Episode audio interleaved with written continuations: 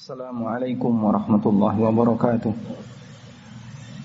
إن الحمد لله نحمده ونستعينه ونستغفره ونعوذ بالله من شرور أنفسنا وسيئات أعمالنا من يهده الله فلا مضل له ومن يضلل فلا هادي له وأشهد أن لا إله إلا الله وحده لا شريك له وأشهد أن محمدا عبده ورسوله يا أيها الذين آمنوا اتقوا الله حق تقاته ولا تموتن إلا وأنتم مسلمون ثم أما بعد Hadirin jamaah Jumat yang dimuliakan Allah Subhanahu wa taala. Allah memberikan kita banyak sekali nikmat dengan aneka rupa dan wajah. Dan dari sekian nikmat Allah Subhanahu wa taala, Allah berkehendak untuk mengambilnya sesuai dengan apa yang Dia kehendaki. Ada di antara kita yang mendapatkan musibah dengan wafatnya salah satu anggota keluarga kita. Ada pula yang dicabut sebagian penghasilannya. Ada pula nikmat yang lain yang dicabut oleh Allah Subhanahu wa taala. Dan jamaah dimakan Allah dari semua nikmat Allah yang dicabut oleh Allah dari seorang mukmin. Lalu mukmin itu bersabar, maka Allah Subhanahu wa taala akan gantikan dengan yang lebih baik darinya kecuali satu nikmat yang apabila nikmat ini dicabut gak ada gantinya. Nikmat yang satu itu adalah nikmat agama. Karena itulah kalaupun dalam hidup di dunia ini manusia tidak bisa terhindar dari yang namanya musibah. Nabi sallallahu alaihi wasallam memohon kepada Allah jangan sampai musibah yang menimpa beliau dan umat beliau adalah musibah yang merugikan agama beliau dan umatnya. Sebagaimana disebutkan dalam doa beliau dalam hadis riwayat Tirmizi, Rasulullah sallallahu alaihi wasallam berdoa, "Wala taj'al musibatana fi dinina." Janganlah engkau jadikan musibah yang menimpa kami adalah musibah yang merugikan agama kami. Karena ketika musibah ini merugikan agama kita, nikmat agama dicabut oleh Allah, tidak ada gantinya. Karena itulah jamaah yang dimakan Allah, Allah berpesan dalam Al-Quran agar nikmat Islam itu dijaga sampai mati. Sebagaimana dalam ayat yang sering dikutip oleh para khatib. Ya ayyuhalladzina amanu taqullah haqqa tuqati wa la tamutunna illa wa antum muslimun. Janganlah saat kalian mati kecuali dalam kondisi sebagai seorang muslim. Nabi sallallahu alaihi wasallam juga pernah berpesan sebagaimana yang disebutkan dalam hadis riwayat Bukhari di Adabul Mufrad dari sahabat Abu Darda radhiyallahu anhu. Beliau pernah mengatakan, "Ausani Rasulullah sallallahu alaihi wasallam bi asyri kalimatin." Rasulullah sallallahu alaihi wasallam pernah berpesan kepadaku dengan 10 kalimat. Yang pertama, Nabi sallallahu alaihi wasallam berpesan, "La tusyrik billahi syai'an wa in kutilta wa in hurrikta." Janganlah engkau menyekutukan Allah dengan sesuatu apa pun, meskipun kamu akan dimutilasi, meskipun kamu akan dibakar. Artinya nikmat ini, nikmat agama ini jaga baik-baik jangan sampai hilang meskipun harus mengorbankan yang paling berharga bagi diri kita yaitu nyawa.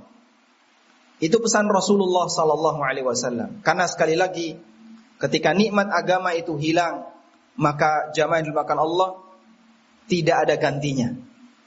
Selanjutnya yang dimakan Allah, upaya yang bisa kita lakukan untuk menjaga nikmat agama ini Salah satu yang dipesankan oleh Allah dalam Al-Quran adalah Jangan mencampur adukkan antara kebenaran dengan kebatilan Dan jangan ikut terlibat dalam kegiatan kebatilan yang dilakukan oleh orang-orang non-muslim Rasulullah Sallallahu Alaihi Wasallam bertetangga dengan beberapa non-muslim yang beragama Yahudi ada, munafikun banyak, Demikian pula orang-orang Nasrani dan orang musyrikin yang berada di sekitar beliau. Dan tentu saja dalam interaksi itu akan ada potensi pelanggaran. Allah Subhanahu wa taala ingatkan kepada kaum muslimin agar jangan sampai melakukan pelanggaran itu.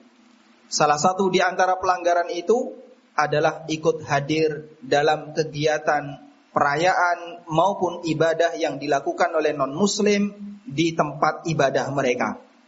Sebagaimana yang Allah firmankan di surat An-Nisa ayat 140 Allah mengatakan, "Wa qad nazzala 'alaikum fil kitabi an idza sami'tum ayatillah yukfaru biha wa yustahza'u biha fala taq'udu ma'ahum hatta yakhudu fi haditsin ghairi." Telah turun kepada kalian dalam Alkitab peringatan An idza sami'tum ayatillahi yukfaru biha wa yustahza'u biha. Kalau kalian mendengar ayat-ayat Allah dipermainkan, mendengar ayat-ayat Allah dikufuri, mendengar perbuatan kesyirikan, kekufuran, fala taqudu maka janganlah kalian ikut bergabung bersama mereka. Sehingga sungguh sangat aneh kalau ada kaum muslimin di mana pun dia berada, di ormas mana pun dia berada, kemudian ikut hadir di gereja, memuji aliran yang menyimpang seperti Bahaiyah dan yang lainnya. Yang itu sebenarnya adalah program orang-orang liberal. Hatta yakhudu fi hadithin ghairi sampai dia membahas permasalahan dunia yang sifatnya mubah.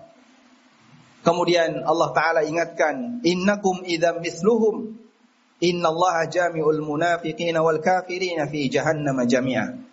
Kalau kalian ikut hadir bersama mereka, berarti kalian mithluhum seperti mereka. Waliyadzubillah kita berlindung kepada Allah Subhanahu wa taala. Jangan sampai disebut oleh Allah sebagai bagian dari orang kafir disebabkan karena kita ikut nimbrung bersama orang-orang kafir. Demikian sebagai khutbah yang pertama semoga bermanfaat. Aku lu qauli hadza wa astaghfirullah.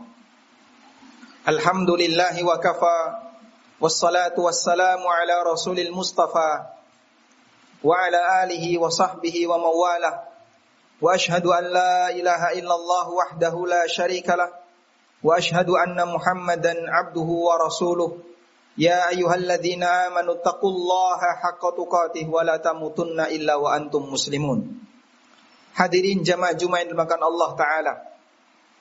Allah gambarkan dalam Al-Quran. Surga itu sangat luas. Luasnya seperti langit dan bumi. Sebagaimana yang Allah nyatakan di beberapa ayat di antaranya wasari'u ila maghfiratin min rabbikum wa jannatin samawati wal ard. Bersegeralah untuk mendapatkan ampunan dari Rabb kalian dan bersegeralah untuk mendapatkan surga yang luasnya langit dan bumi. Jamaah yang dimakan Allah, kita ukur fisik kita. Badan kita ini kalau dibandingkan dengan langit dan bumi ibarat titik debu yang mungkin nggak kelihatan. Misalnya kita naik ke atas gunung, lalu kita melihat ke arah bentangan yang sangat luas, betapa kecilnya kita. Yang menjadi pertanyaan, manusia seperti kita yang ukurannya setitik debu, apa sulitnya kalau bisa mendapatkan tempat yang luasnya seluas langit dan bumi? Sangat luas. Sehingga untuk bisa mendapatkan yang demikian luas sementara kita ini sangat kecil, itu sangat mudah bagi Allah Subhanahu wa taala. Maka yang menjadi pertanyaan adalah apakah kita bisa berusaha untuk mendapatkan tempat yang demikian luas itu sementara kita adalah makhluk yang sangat kecil. Sehingga jamaah dimakan Allah kecelakaan besar bagi orang yang terusir dari rahmat Allah Subhanahu wa taala. Dia kecil, mudah bagi Allah untuk disisipkan ke dalam surga, tapi dia nggak sempat untuk bisa mendapatkannya karena dimurkai oleh Allah Subhanahu wa taala. Karena itu sekali lagi jamaah dimakan Allah, mari kita jaga satu syarat utama untuk bisa dapat surga yaitu iman. Rasulullah sallallahu alaihi wasallam bersabda, "La yadkhulul jannata illa mu'minun." Tidak akan masuk surga kecuali mukmin. Kita memohon kepada Allah Subhanahu wa taala semoga Allah mempertahankan hidayah iman ini jangan sampai hilang. Kalaupun ada sebagian nikmat kita yang hilang, semoga nikmat yang satu ini tidak hilang sampai kita mati. Allahumma salli ala Muhammad wa ala ali Muhammad kama sallaita ala Ibrahim wa ala ali Ibrahim innaka Hamidum Majid. Allahumma ighfir lil mu'minina wal mu'minat wal muslimina wal muslimat al ahya'i minhum wal amwat innaka sami'un qaribu mujibu da'wat ya qadiyal hajat Allahumma inna nas'aluka al-huda wat tuqa wal afafa wal ghina Rabbana atina fid dunya hasanah wa fil akhirati hasanah